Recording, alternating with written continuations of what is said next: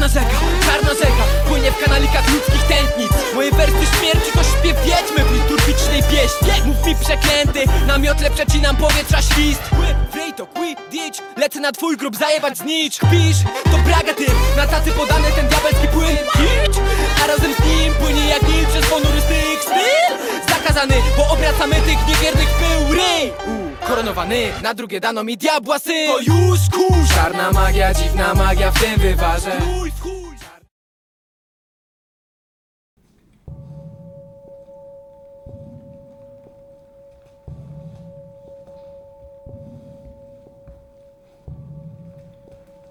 Pani Wilków.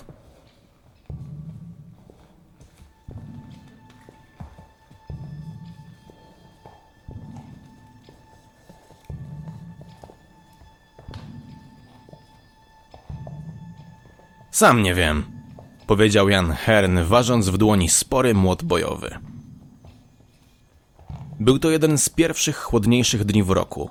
Przemierzali na wierzchosłach szary, ciemniejący las, oglądając łup, który zdobyli na rozbrojonym kilka godzin wcześniej rozbójniku. Młot bojowy to bardzo odpowiednia broń dla ciebie, ocenił Arktus, przypalając sobie fajkę. Z takim młotem już z daleka wyglądasz jak ktoś, kogo należy traktować poważnie, zapewnił. Hern uniósł młot wysoko w jednej ręce i spróbował zakręcić młynka. Narzędzie było ciężkie, wykonane z hojnie okutej dębiny, niezbyt poręczne. W dodatku, w przeciwieństwie do miecza, który dało się ukryć w pochwie, młot wymagał ciągłego trzymania w rękach lub przytroczenia do kulbaki. Może wygląda w porządku, ale jest cholernie niewygodny, stwierdził Hern w końcu. Jechali wolnym tempem. Nigdzie im się nie spieszyło. Okoliczna przyroda, choć nieco ponura, napawała ich bardzo pozytywnymi uczuciami. Gęsty, mieszany las piął się bardzo wysoko. Niemal zasłaniał lekko zachmurzone niebo. Z pewnością pełen był małych mieszkańców. W powietrzu unosił się zapach grzybów i wilgoci. Arktusowi od razu przypomniało się, jak bardzo jest głodny. Może zrobimy jakiś krótki popas? zaproponował. W porządku, odrzekł Hern. Czujesz to? Przed nami jest wioska smolarzy. Może nas ugoszczą.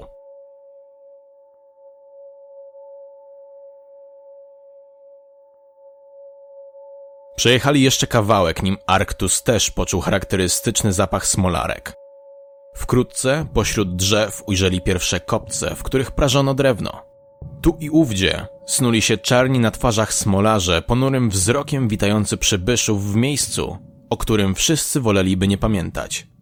Niskie, pełne wilgoci ziemianki nie wyglądały zachęcająco. Jednak Hern uparł się, by skorzystać z gościnności smolarzy i przy okazji wypytać ich o wieści z okolicy. Ugościł ich Tom, człowiek względnie młody i względnie światowy.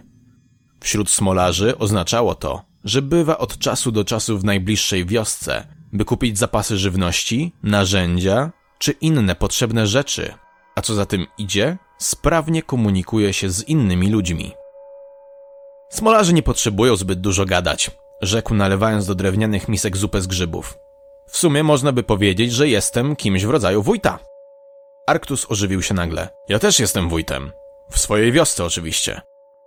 Jedzenie nie było zbyt dobre. Smolarzom kończyły się zapasy soli, więc używali jej bardzo oszczędnie. Zupa okazała się jednak gorąca i coś tam w niej pływało, więc mogła choć na chwilę wypełnić żołądki. Jak tu żyjecie? spytał Hern, czekając, aż jego porcja przestygnie nieco. Tchom wzruszył ramionami. Jakoś się żyje. Wstajemy o świcie, jemy śniadanie i zabieramy się do roboty. W okolicach południa schodzimy do ziemianek na krótki odpoczynek i miskę zupy z grzybów. Życie w wiosce to nie jest może to samo co zgiełk Majeroni, ale większości z nas to odpowiada. Nie czujecie się samotnie pośród tych borów? zapytał Arktus. Wioska rzeczywiście znajdowała się w samym sercu gęstych, nieprzybytych lasów. Do niemal każdego cywilizowanego miejsca było przynajmniej kilka dni drogi. Tchom jeździł na handel nie częściej niż raz w miesiącu. Idzie się przyzwyczaić, odparł. Czasem śmiejemy się, że nasza mała społeczność przypomina nieco klasztor. Mamy tutaj swoją samotnię, codzienne rytuały i bardzo dużo pracy. To bardzo proste, ascetyczne życie. A jak jest z wami? Arktus pokrótce streścił, jak to było z nimi. Tchom słuchał z fascynacją, jednak po chwili się opanował i wrócił na ziemię. Hern zapytał, czy nie potrzeba czegoś w wiosce, bo jeżeli tak, w drodze powrotnej mogliby to podrzucić. Smolarz zaprzeczył. Wszystko, czego potrzebowali, było tutaj, w lesie, a to, czego nie było w lesie, przywoził ze swoich wyjazdów.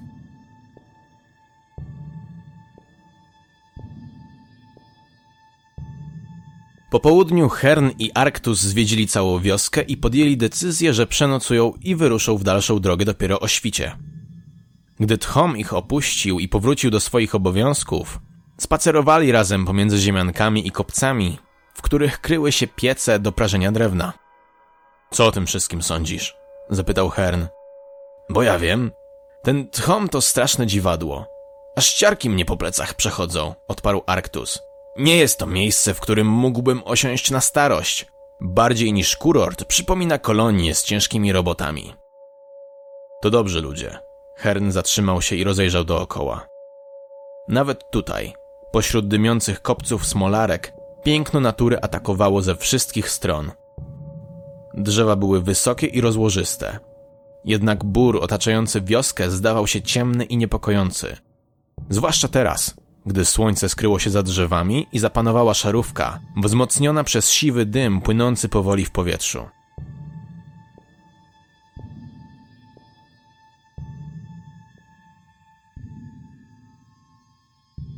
Zostali ulokowani w ziemiance Tchoma, ponieważ jako jeden z nielicznych nie miał on rodziny. Lokum składało się wprawdzie z jednej średniej izby, ale każdy znalazł dogodny kąt, w którym mógł się ułożyć do snu. Tchom nie miał łóżek ani sienników.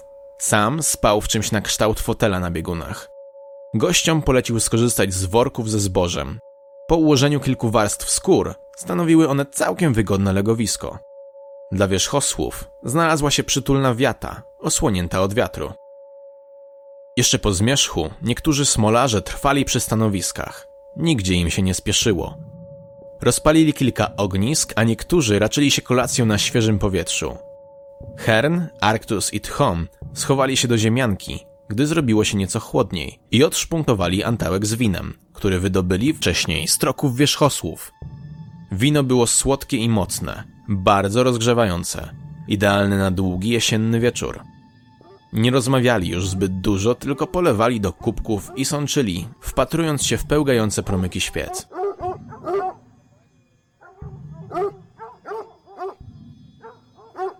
Po północy, kiedy na zewnątrz panowała już niemal absolutna cisza, rozległo się ujadanie psów. Tchom chwiejnym krokiem wyszedł na zewnątrz, by sprawdzić, co się dzieje. Nie wracał przez dłuższą chwilę, więc Arktus się niepokoił. Hern rozlał ostatnią porcję wina i nucił jakąś starą przyśpiewkę o nimfach, które obmywają się w potoku. Coś tam się do cholery dzieje? Odezwał się wójt stojąc u wejścia do ziemianki. Dajże już spokój, napij się. Wydawało mi się, że słyszałem wycie wilka. I nie dziwota. To bardzo piękne, opustoszałe lasy. Wilki muszą się tu świetnie czuć. Z pewnością watachy podchodzą nieraz pod wioskę, ale nie widziałem tu żadnych zwierząt hodowlanych. A nasze wierzchosły? Dadzą sobie radę, uspokajał Hern. Zresztą, jak usłyszymy, że coś się dzieje, zareagujemy. To tylko wilki.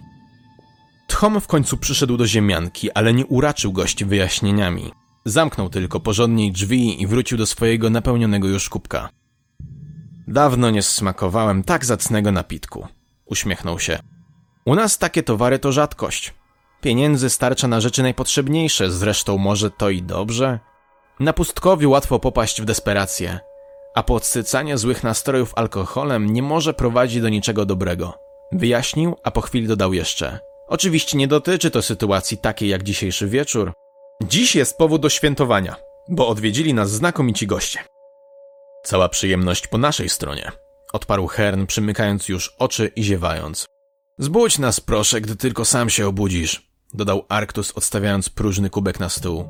Mam nadzieję, że noc będzie spokojna. Słyszałem wycie wilka. Tak, wilki mieszkają w tych borach i czasem nas trochę niepokoją. Ale nie macie się czego obawiać. Potrafimy sobie z nimi poradzić. W razie czego zbudź nas. Hern już chrapał. Mimo iż dzień spędzili niemal w całości na popasie, obaj czuli dojmujące zmęczenie. Arktus odpasał miecz i położył go tuż przy swoim posłaniu, by w razie nagłej potrzeby szybko go odnaleźć. Młot Herna spoczywał przy wejściu. Łowczy przez ostatnie dni jak zwykle nie miał broni, bo zapłodział gdzieś tasak. Zapewne, zgodnie z podejrzeniami Arktusa, stało się to podczas tego popasu, gdy spotkali trzy niewiasty obmywające się w jeziorku. Hern wziął dwie z nich w krzaki, wójtowi zostawił zaledwie jedną. I tasak zaginął.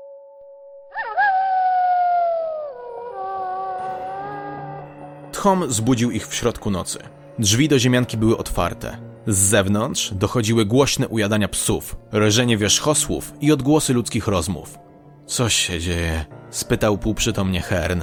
Przepraszam, że was fatyguję, ale mamy jednak problem z wilkami. Usprawiedliwiał się gospodarz. Cholerne bestie zaatakowały wioskę. Zaatakowały wioskę? Powtórzył z niedowierzaniem łowczy. Tak, to chyba nie są tutejsze wilki. Jakiś inny gatunek. Są większe i dużo bardziej agresywne. Jakoś godzinę temu wartownik słyszał odgłosy wskazujące na to, że doszło do walk między dwiema watachami. Sądzimy, że te obce zaatakowały te tutejsze. Nadzwyczajne, mruknął Arktus, wciąż rozłożony na workach.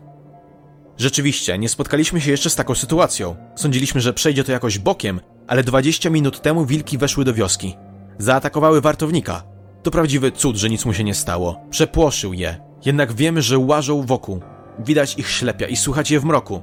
Myślę, że muszą być wygłodniałe. Tak, to by tłumaczyło ich dziwne zachowanie. Odparł Hern, zbliżając się do wyjścia. Nie bierzesz młota? Wtrącił Arktus. A, tak. Łowczy zarzucił sobie ciężki młot na ramię. Jak wygląda rozkład sił? Wilków jest mniej więcej 10, może 12, odparł Tchom. Nas w tej chwili pod bronią jest już 20. Wydaje mi się, że nie powinno być żadnych problemów. Rozpalamy ogniska. Zwierzęta raczej nie podejdą do ognia. Zwykle nie podchodziły. Tak, to dobry pomysł. Gdybyście rozlali dziegciu na obrzeżach wioski i go podpalili, powstałoby coś na kształt ognistego pierścienia. Nie wydaje mi się, by wilki mogły pokonać taką barierę, zaproponował Hern. Jarwat właśnie to robi. Smolarz wskazał głową miejsce pogrożone w ciemności. Pójdę mu pomóc. Ty, Arktusie, spróbuj zorganizować obronę wewnątrz kręgu. Jasne, do zobaczenia później. Rozeszli się. Łowczy oddalił się w mrok rozjaśniany jedynie mgłą opalizującą w świetle księżyca. Wytężając wzrok, zdołał w końcu dostrzec postać snującą się na granicach osady. Jarwat był mocno zbudowanym mężczyzną o gęstej, rozrastającej się na boki brodzie i równie niesfornej czuprynie. Rozlewał dziegieć na rozdeptaną trawę wprost z drewnianej beczki. Nieco dalej, pośród drzew, mamrotały wielkie burę wilki. Mimo iż były przeraźliwie wychudzone, rozmiarami dorównywały dorosłemu człowiekowi. Było ich znacznie więcej niż oszacował Tom. Tylko po tej stronie wioski Hern naliczył 7 lub 8 sztuk. I faktycznie nie były to zwykłe wilki. Wpatrywały się w człowieka z nienawiścią, podczas gdy zwykły wilk, jako zwierzę, podlegał w większym stopniu prostym instynktom niż emocjom. Paryszywe bestie! Jarwat splunął. Hern wyjął krzesiwo i skrzesał parę iskier na niewielką ilość wełny, którą wydłubał z pępka. Dziegieć zajął się jak marzenie. Nagle z centralnej części wioski dobiegły okrzyki. Łowczy pobiegł tam, unosząc młot. Cholerny, nieporęczny młot bojowy. Na miejscu zastał Tchoma i kilku smolarzy. Gdzie Arktus? Zabrali go! Kto zabrał? Wilki? Nie odpowiedzieli. W którą stronę poszli? Jeden ze smolarzy skinął głową. Hern ruszył biegiem. Przeskoczył ogień i zagłębił się między drzewa. Wszędzie wokół widział ruch, pierzchające między pniami cienie. Na razie badały go tylko, starały się unikać bezpośredniej konfrontacji. Gdy wzrok przyzwyczaił się do ciemności, łowczy dostrzegł więcej detali. Wilki szły wokół niego, zachowując jednak bezpieczną odległość. Były w istocie wielkie, wychudłe, pokryte żednącą sierścią i miały wyjątkowo paskudne pyski. Nie atakowały. W pewnym momencie Hern dotarł do polany porośniętej wysoką trawą i paprociami. Było tam nieco jaśniej, bo korony drzew nie zasłaniały światła księżyca. Z łatwością zauważył więc dwie postaci. Jedną z nich był skrępowany Arktus, drugą ktoś obcy. Tożsamość nieznajomego pozostawała dla Herna tajemnicą, ze względu na płaszcz z wilczej skóry i nakrycie głowy z wilczego czerepu.